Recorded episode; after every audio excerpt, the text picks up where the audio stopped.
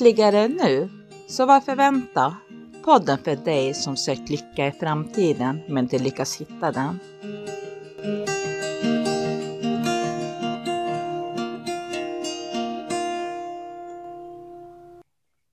Hej Niklas. Hej Filip. Läget idag?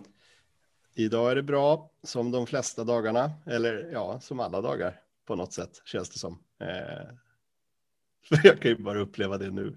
Så just nu är det bra och då har det varit bra förut också.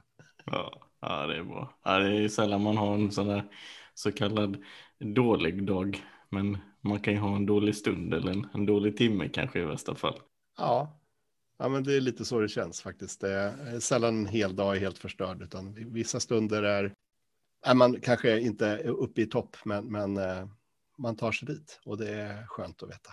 Ja, precis. Så man liksom inte vaknar på fel sida och sen är den dagen körd liksom.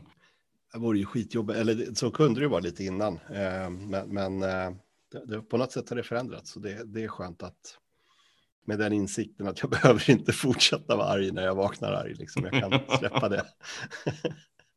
ja, det är gött.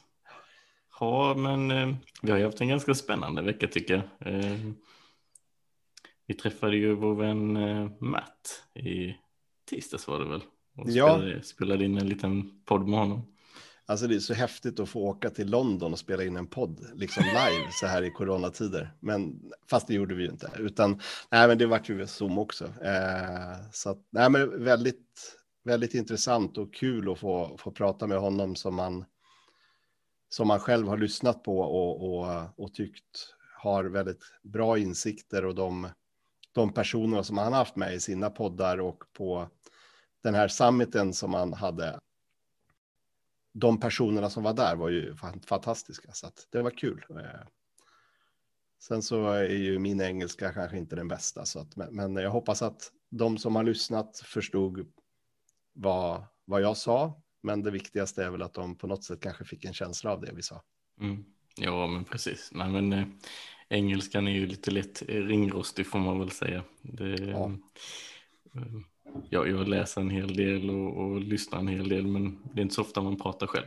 Så att, eh, då kanske det egentligen inte är den absolut smartaste man kan göra att spela in en podd på engelska och ladda upp till Spotify med flera. Men ja, vi bjuder på den, känner jag. Ja, nu är det gjort. Ja. Kan komma mer också. Mm. Ja, men precis. precis. Nej, men jag tyckte han hade bra. Det var, det var ett bra samtal om det här med när vi, vi som föräldrar är på en nivå av medvetandet och vår omgivning eller barnen i det här fallet då är på en annan och vilka krockar det kan bli där. Eh, eh, om vi är båda låga. Men om en är hög och en är låg så oftast kan man bara liksom gå, gå förbi det och finna sig i stunden. Jag tyckte det var bra exempel med hans kartongbyggande som sonen höll på med nu. Det var, det var roligt att höra. Ja, men precis. Det, man, man, om man själv är på en högre nivå så märker man ju ganska lätt av hur, hur omgivningen är. Och är, är någon annan till exempel väldigt uppe i huvudet och lite stressad och, och så vidare, då, då känner man ju av att ja, men, det är kanske inte nu vi ska prata om den där viktiga grejen, liksom, utan vi, vi, vi tar det när, vi, när man liksom kan få ögonkontakt och, och känna att man når den andra personen. Eh, att, det finns någon där bakom ögonen liksom. Inte bara att, eh, som, som ett stressat rådjur som blir skrämd av helljusen från en bil. Lite den Nej. känslan kan man ju få annars liksom. Absolut. Och, och det gäller ju liksom i alla situationer i livet, inte bara när man är förälder, utan det är ju liksom i arbetslivet eller i, i festlivet när man är ute på restauranger. Liksom att ser man att, att någon person inte är uppe i medvetandet på toppen och, och grottar ner sig och bara tänker bekymmer så, så kan det vara bra att stanna upp. Mm. Och speciellt om man ska fatta något viktigt beslut i samband med det, då är det ännu viktigare kanske att stanna upp. Liksom. Idag så tänkte jag att vi skulle prata lite om det här med omständigheter. Det är en sån här lite rolig grej inom 3P som jag tror många har lite svårt att förstå. Hur man ska relatera till omständigheter. Och, eh, jag har väl tyckt att det varit lite besvärligt själv också genom, genom åren. Bara, ja, men vadå, eh, ska man inte liksom påverkas alls av omständigheterna eller, eller vad, ja, vad, vad är det vi försöker säga egentligen? Och, eller ska man inte ändra sina omständigheter? Och, ja, det finns, finns så, så mycket man kan klura på där och det är lätt att det i sin tur leder till ännu mer tänkande. Så jag tänkte vi kan ju börja prata lite om, kanske lite kort då, för det har vi pratat mycket om äh, tidigare, men den här lyckan som vi försöker peka på, Niklas, mm. vad har den för koppling till omständigheterna? Den har ju ingen koppling till omständigheterna överhuvudtaget. Eh, för omständigheterna ligger ju utanför mig själv, men lyckan finns inom mig själv. Men det är klart att man kan ju också se det på ett helt annat sätt, att lyckan har med omständigheterna att göra, men då, då på något sätt så påvisar vi ju om att, att det är världen utanför oss som får oss att bli glada eller ledsna eller sorgsna eller kreativa. Så, så mitt sätt är ju enkelt att säga att lyckan finns alltid tillgänglig där, trots omständigheterna. Men när vi lägger för mycket fokus på omständigheterna så, så har vi inte fri, fri tillgång till, till den inre visdomen där bland annat lycka ligger. Håller du med eller är det liksom, har du något annat sätt att förklara det på? Ja, precis. Jag håller med. Sen använder man kanske lite olika ord och olika meningar för att beskriva det man ser. Um, man kan också säga att den sanna lyckan är starkt kopplat till omständigheterna på det sättet att det är först när man släpper de där omständigheterna. Det är då man hittar den här sanna lyckan. Det finns bortom omständigheterna. Så att det är viktigt att, att kunna göra det liksom på no att, att, på något sätt släppa det. Um, och ja, egentligen är det ju inte någonting man gör, det är ett icke-görande. Liksom, det är ett mentalt avslappnande. Alltså, det, det är lätt att man tror att det är någonting man ska göra. Men, men det är ju så fort vi gör det som vi bara trasslar in oss ännu mer i det. Precis, det, det man kan göra är ju på något sätt att skifta sitt fokus. Att istället för att observera eh, det här flyktiga tänkandet som kommer in kring omständigheterna så kan man ju fokusera lite mer på något som är konstant. Vi har ju tagit upp flera exempel på det. Till exempel eh, fokusera på sin känselperception. Om man går, känna efter med fötterna när man går. Eller fokusera inåt i kroppen som vi pratade om med Matt, att man kan man kan observera till exempel området runt sitt hjärta eh, och, och, och liksom hitta något konstant där. Eller man kan till exempel titta på något naturligt ute i, i, i skogen eller i naturen som ett träd eller någonting. För att på något sätt när man, när man gör det så kan det vara lättare att slappna av mentalt. Och igen, det är inte någonting man gör, det är mer någonting man liksom observerar. Eh, så. Så den här sanna lyckan som finns och den här känslan av att man är levande och det liksom man känner det i hela kroppen och den här glädjen. Den, den finns ju liksom bortom omständigheterna. Alltså jag skulle kunna vara så glad oavsett om jag till exempel hade skottat upp farten eller inte. Bara som ett, som ett exempel kan det ju vara så att det är vissa omständigheter är ju kanske svårare att ta sig igenom. Och, och, på grund av att det kan vara en extrem sorg, jag menar om, om någon går bort hos oss till exempel, så det är klart att det kan ju vara provocerande att säga att du kan ju vara lycklig trots det. När man, mitt, när man är mitt i sörjandet. Eh, och, och sörjandet är väl en, en, del av läkningsprocessen, men, men faktum är ju att släpper du alltihopa och fokuserar på någonting annat än sörjandet så, så ökar ju faktiskt sannolikheten för att du når lyckan och, och visdomen trots bortgången av en, en vän eller anhörig. Ja, men absolut. Och det, det är väl igen där lite var man lägger fokuset. Lägger man fokuset totalt på den där sorgen då, oavsett hur tragisk den är, så, så blir den ju ens allt. Mm. Men kan man ha lite, lite någon form av fokus eller observation på något annat också, så upplever man ju sorgen väldigt annorlunda. Skulle jag säga. Det, det, är min erfarenhet i alla fall. Mm. Jo, men den erfarenheten jag har av, av sorg när, när bror min gick bort 2006, det, det jag, jag hade ju en oerhörd tur att livet skänkte mig en, en, en dotter som föddes tre månader efter hans bortgång. Och på något sätt så vart ju fokuset på henne då.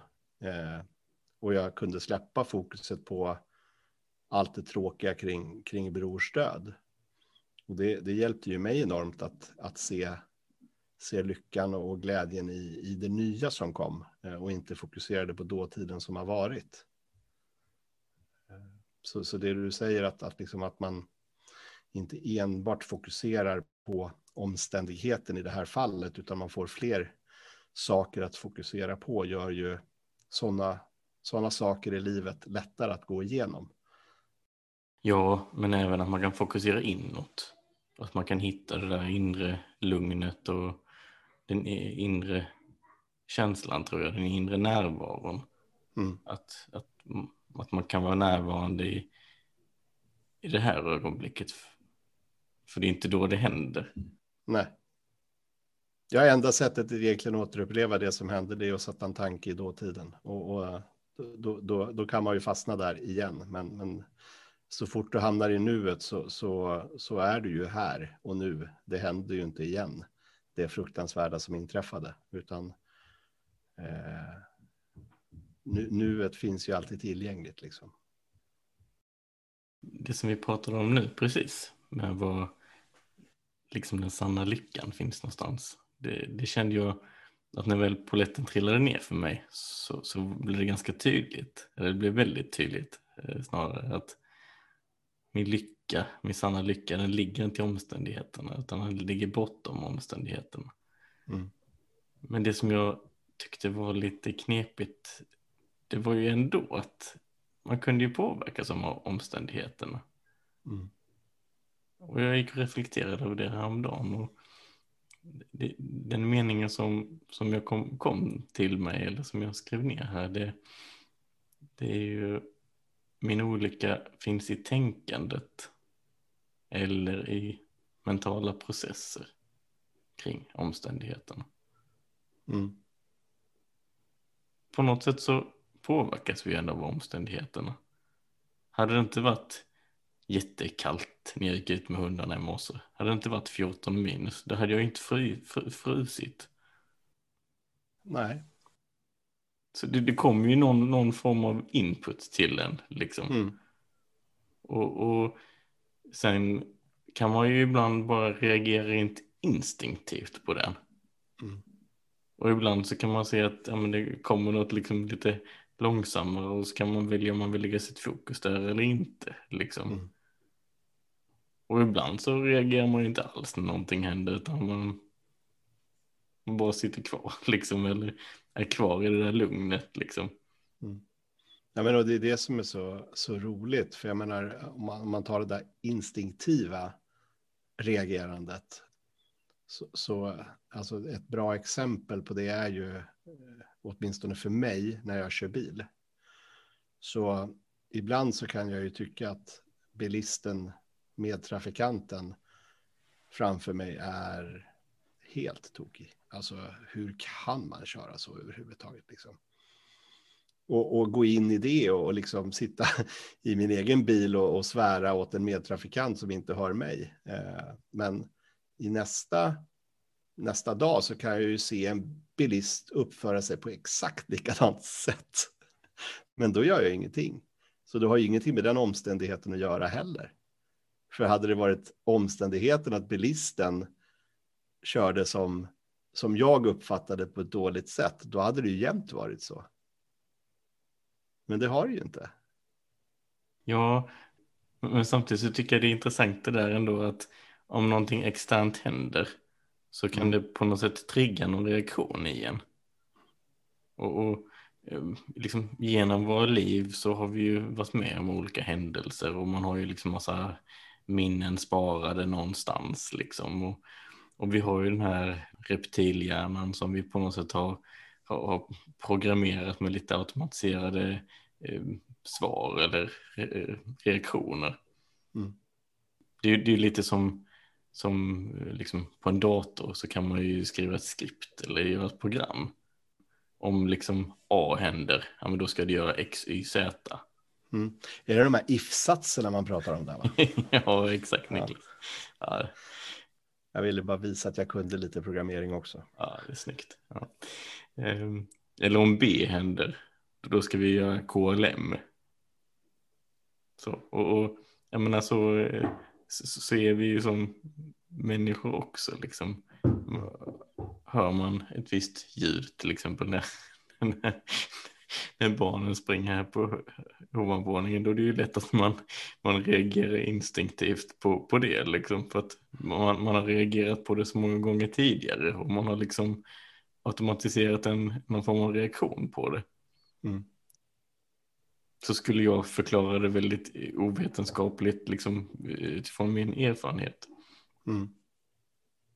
Jag lyssnade faktiskt på en bok av Dr. Amy Johnson som heter The Little Book of Big Change. Eh, och den finns till exempel på Audible att lyssna på om man vill göra det. Och där beskriver hon faktiskt rätt så mycket kring det här med habits eller våra vanor eller vanemönster och har, har lite förklaring vad det, vad det beror på. Just det här med the lower brain eller reptilhjärnan Mm. Och, den funktionen som den har haft genom historien och den funktionen den har idag. Och, och, och vad man på något sätt kan göra eller inte göra för att det ska bli lättare för en. Mm.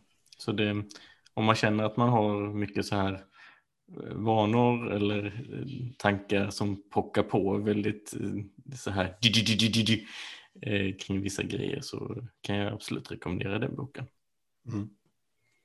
Alltså reptilhjärnan har ju räddat oss mycket genom, genom människans historia.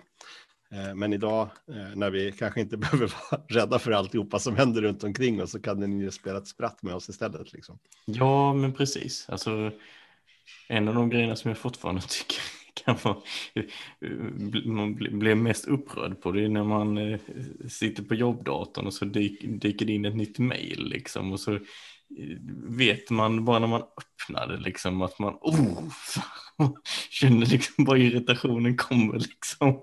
Så tycker man att den där som har skrivit det mejlet är så jävla dryg liksom. Man kan, man kan väl ha lite, lite schysst attityd liksom. Vi, vi kan väl göra det här tillsammans. Men hålla på sådär och tyka sig liksom är väl, är lite onödigt. Och så skriva tre sidor långt mejl liksom. Då kan man väl ringa tycker jag. Liksom. Det är ju det är som gjort för missförstånd, liksom, eller att någon blir irriterad. Liksom. det, det har man ju liksom sett att, ja men reagerar man så, ja men då har man ju, de har, har man ju fastnat lite i ett tänkande kring den där omständigheten och då brukar jag oftast bara låta det mejlet vara ett par timmar eller, eller kanske till och med till, till nästa dag så kan man kika på det då igen. Ja, och då, då kanske man uppfattar det annorlunda. Eller så kan man fortfarande uppfatta det som att den där personen var ju lite dryg och hade dålig attityd och, och så vidare. Och att det var olämpligt att skicka ett mail för att lösa det problemet. Men man kan ändå se det från en, en mer neutral plats. Mm. Men vad, vad är det som gör att du kan göra det då, Filip? Ja, men då är jag ju på en, en, en högre medvetandenivå. Och eh, se med, med större klarhet. Mm. Och det är väl så med, med liksom alla omständigheter att om du är på en hög medvetandenivå så blir omständigheterna mycket lättare att tas med. Ja, fast ibland är man ju på en jättehög medvetandenivå och, och man känner sig superbra och sen kommer det någon jäkla omständighet och sen plötsligt är man ju nere i källan när det gäller medvetandenivå och, och välmående liksom. Mm. Och då, menar, då, då är det ju någonting i den här omständigheten som triggar någonting inom en och det går så snabbt så att man det, det är inte så att man hinner reagera. Oh, där kom en tanke. Den tanken var en sån där tanke. Vad, vad ska jag göra med den? Ja, men, ska jag kasta den eller så? Nej, det är bara så liksom. Ja, jo, men det ligger jättemycket i det. Alltså, och, och speciellt när man har med med återupprepade omständigheter att göra. Mm. så, så är ju vane, då, då, på något sätt så har det ju byggts en, en E4 i eh, ens sinnestillstånd att du ska reagera på det här sättet i, i den här situationen. Liksom. Eh, medan som det är en mer ovanlig omständighet så är det lite mer som en skogsstig och det tar lite längre tid kanske att, att börja reagera. Och har du då vane, eller har du då medvetandenivån där uppe och det är en, en omständighet som inte träffar lika ofta så är ju sannolikheten att du stannar kanske uppe i medvetandenivån lite längre än om det är en omständighet som har skapat E4 till reaktionen. Liksom. Då är det ju, det går ju blixtsnabbt. Jag, jag känner igen det där mycket. Jag tänker inte ta upp några exempel här, men, men eh, det, ja, så, så är det faktiskt. Mm. Det, det är roligt. Och det, det, är så roligt när man pratar med dig också i det här, för att man får verkligen sådana här aha-upplevelser själv på hur, ja, nej men det, hur det funkar. Liksom. Man sitter och ler och, och tänker att nej men, har jag inte kommit längre? Ja, man är ju fortfarande människa, liksom. det är en del ja. av att vara människa, att man ibland uppfattar att, att det är världen som attackerar en, att, att det är omständigheterna som gör, det, gör livet lite besvärligt i vissa stunder. Jo, i vissa stunder kan det ju vara ganska skönt att skylla på omständigheterna också, fast det har egentligen inte med dem att göra, men det kan ju vara något sätt att ta skydd för någonting också. Att gömma sig bakom omständigheterna. Att hade det inte varit så, äh, om jag inte hade gjort så, då hade allting varit bra. Liksom. Äh, det, det, blir ju vår natur på något sätt. Liksom. Ja, och sen beror det lite på vad man pratar om, i vilket sammanhang. Jag menar, på jobbet till exempel så går ju mycket av våra jobb ut på, på något sätt att hantera olika omständigheter. Mm. Har man en, en medarbetare som inte gör sitt jobb till exempel eller en medarbetare som slutar, då måste man ju hantera den omständigheten mm. på ett bra sätt. Och, och eh, försöka göra det ur en klarhet och inte ur det här reptil eh, reaktiva beteendet. Nej. Nej, men våga ta två, tre andetag innan explosionen kommer liksom. Så kanske explosionen hålls inne. Mm. Ja men precis. Sen något som jag har märkt senaste veckorna, det är ju det där att jag, jag försöker ju, som vi pratade om tidigare i veckan med, med, med Mert, att ha lite mer fokus i, i kroppen, att ha en närvaro i kroppen, inte bara vara uppe i huvudet hela tiden. Mm. Och, och, och, då har jag märkt att ja, men ibland så kan jag ha den där sköna känslan i kroppen fast jag kan ändå bli lite nervös eller jag kan känna att jag blir lite irriterad över någonting. Men man kan ändå vara, liksom, vara lite kvar. Man kan ha en fot kvar. Mm. Det har jag inte sett tidigare. Liksom. Då har det varit liksom eh, mer antingen eller. Liksom. Mm. Och det är liksom, det är ju en, man utvecklas ju på något sätt eller hittar hem eller vad man ska säga hela tiden. Det är ju det är ingen, det är ingen resa som liksom sker från noll till ett och sen, sen är man klar. Liksom. Då kan man ticka i den där boxen, inside out living, check. Precis, nu kan jag det här, jag behöver aldrig falla dit igen. Liksom. Nej, så, så, är det ju inte, utan det är... Men, men på något sätt så känns det ju som att ju mer du lever utifrån de tre principerna och förstår grunderna i de tre principerna så blir livet enklare att tas med. Sen kommer ju livet gå upp och ner som en berg och dalbana, men, men förhoppningsvis så blir dalarna inte lika djupa som de tidigare har varit.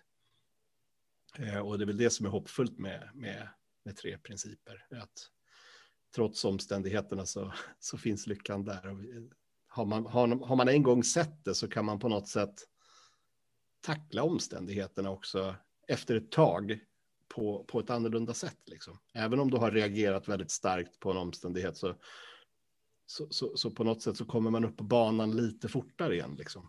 Mm. Ja, det är lättare att hitta tillbaka liksom. Mm. Men något som jag tror är viktigt också är att, att man försöker leva lite mer sitt liv utifrån hjärtat och, och lite mer, mindre utifrån huvudet liksom. Mm. Och det är ju inte, det är heller där, det är inte noll eller ett om man ska kunna leva i det samhället som vi lever här. Man, man behöver både och. Mm.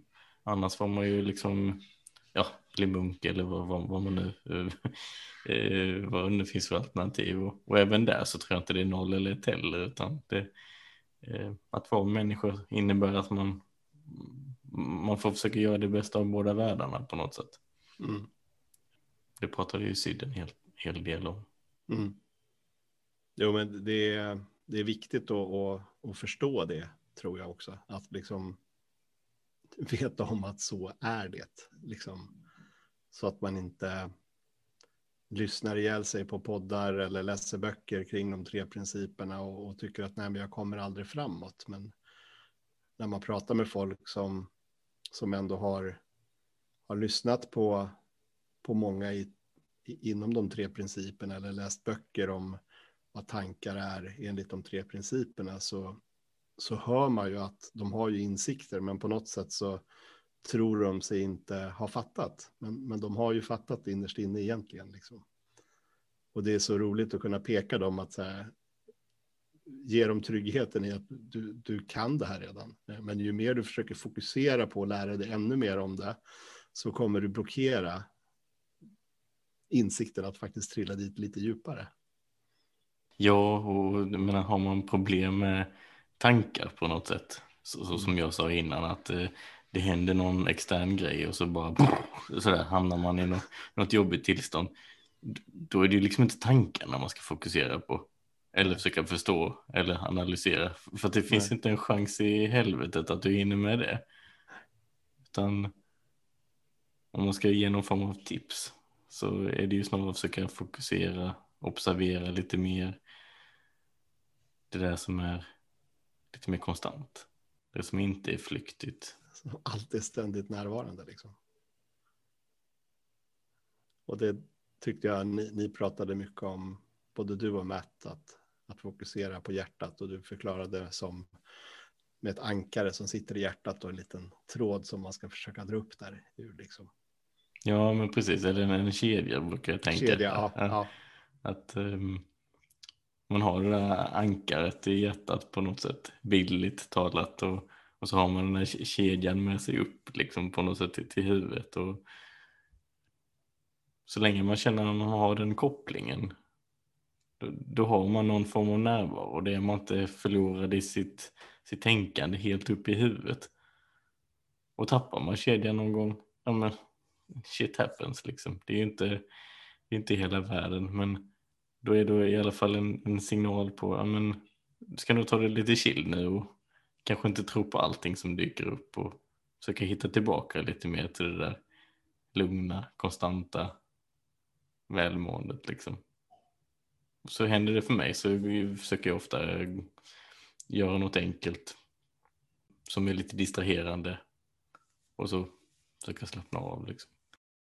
Ja, alltså inte fångas av revyn av tankar som speglar, som liksom hamnar framför en, liksom, utan man låter den bara passera, precis som du tittar på en film, du bara låter den passera. Gå inte in i filmen, för du kan inte göra någonting åt filmen. Du kan bara observera filmen. Men, men eh, går man in för djupt i det så är man fast. Ja, men och ibland kan det vara som ett litet jäkla bi.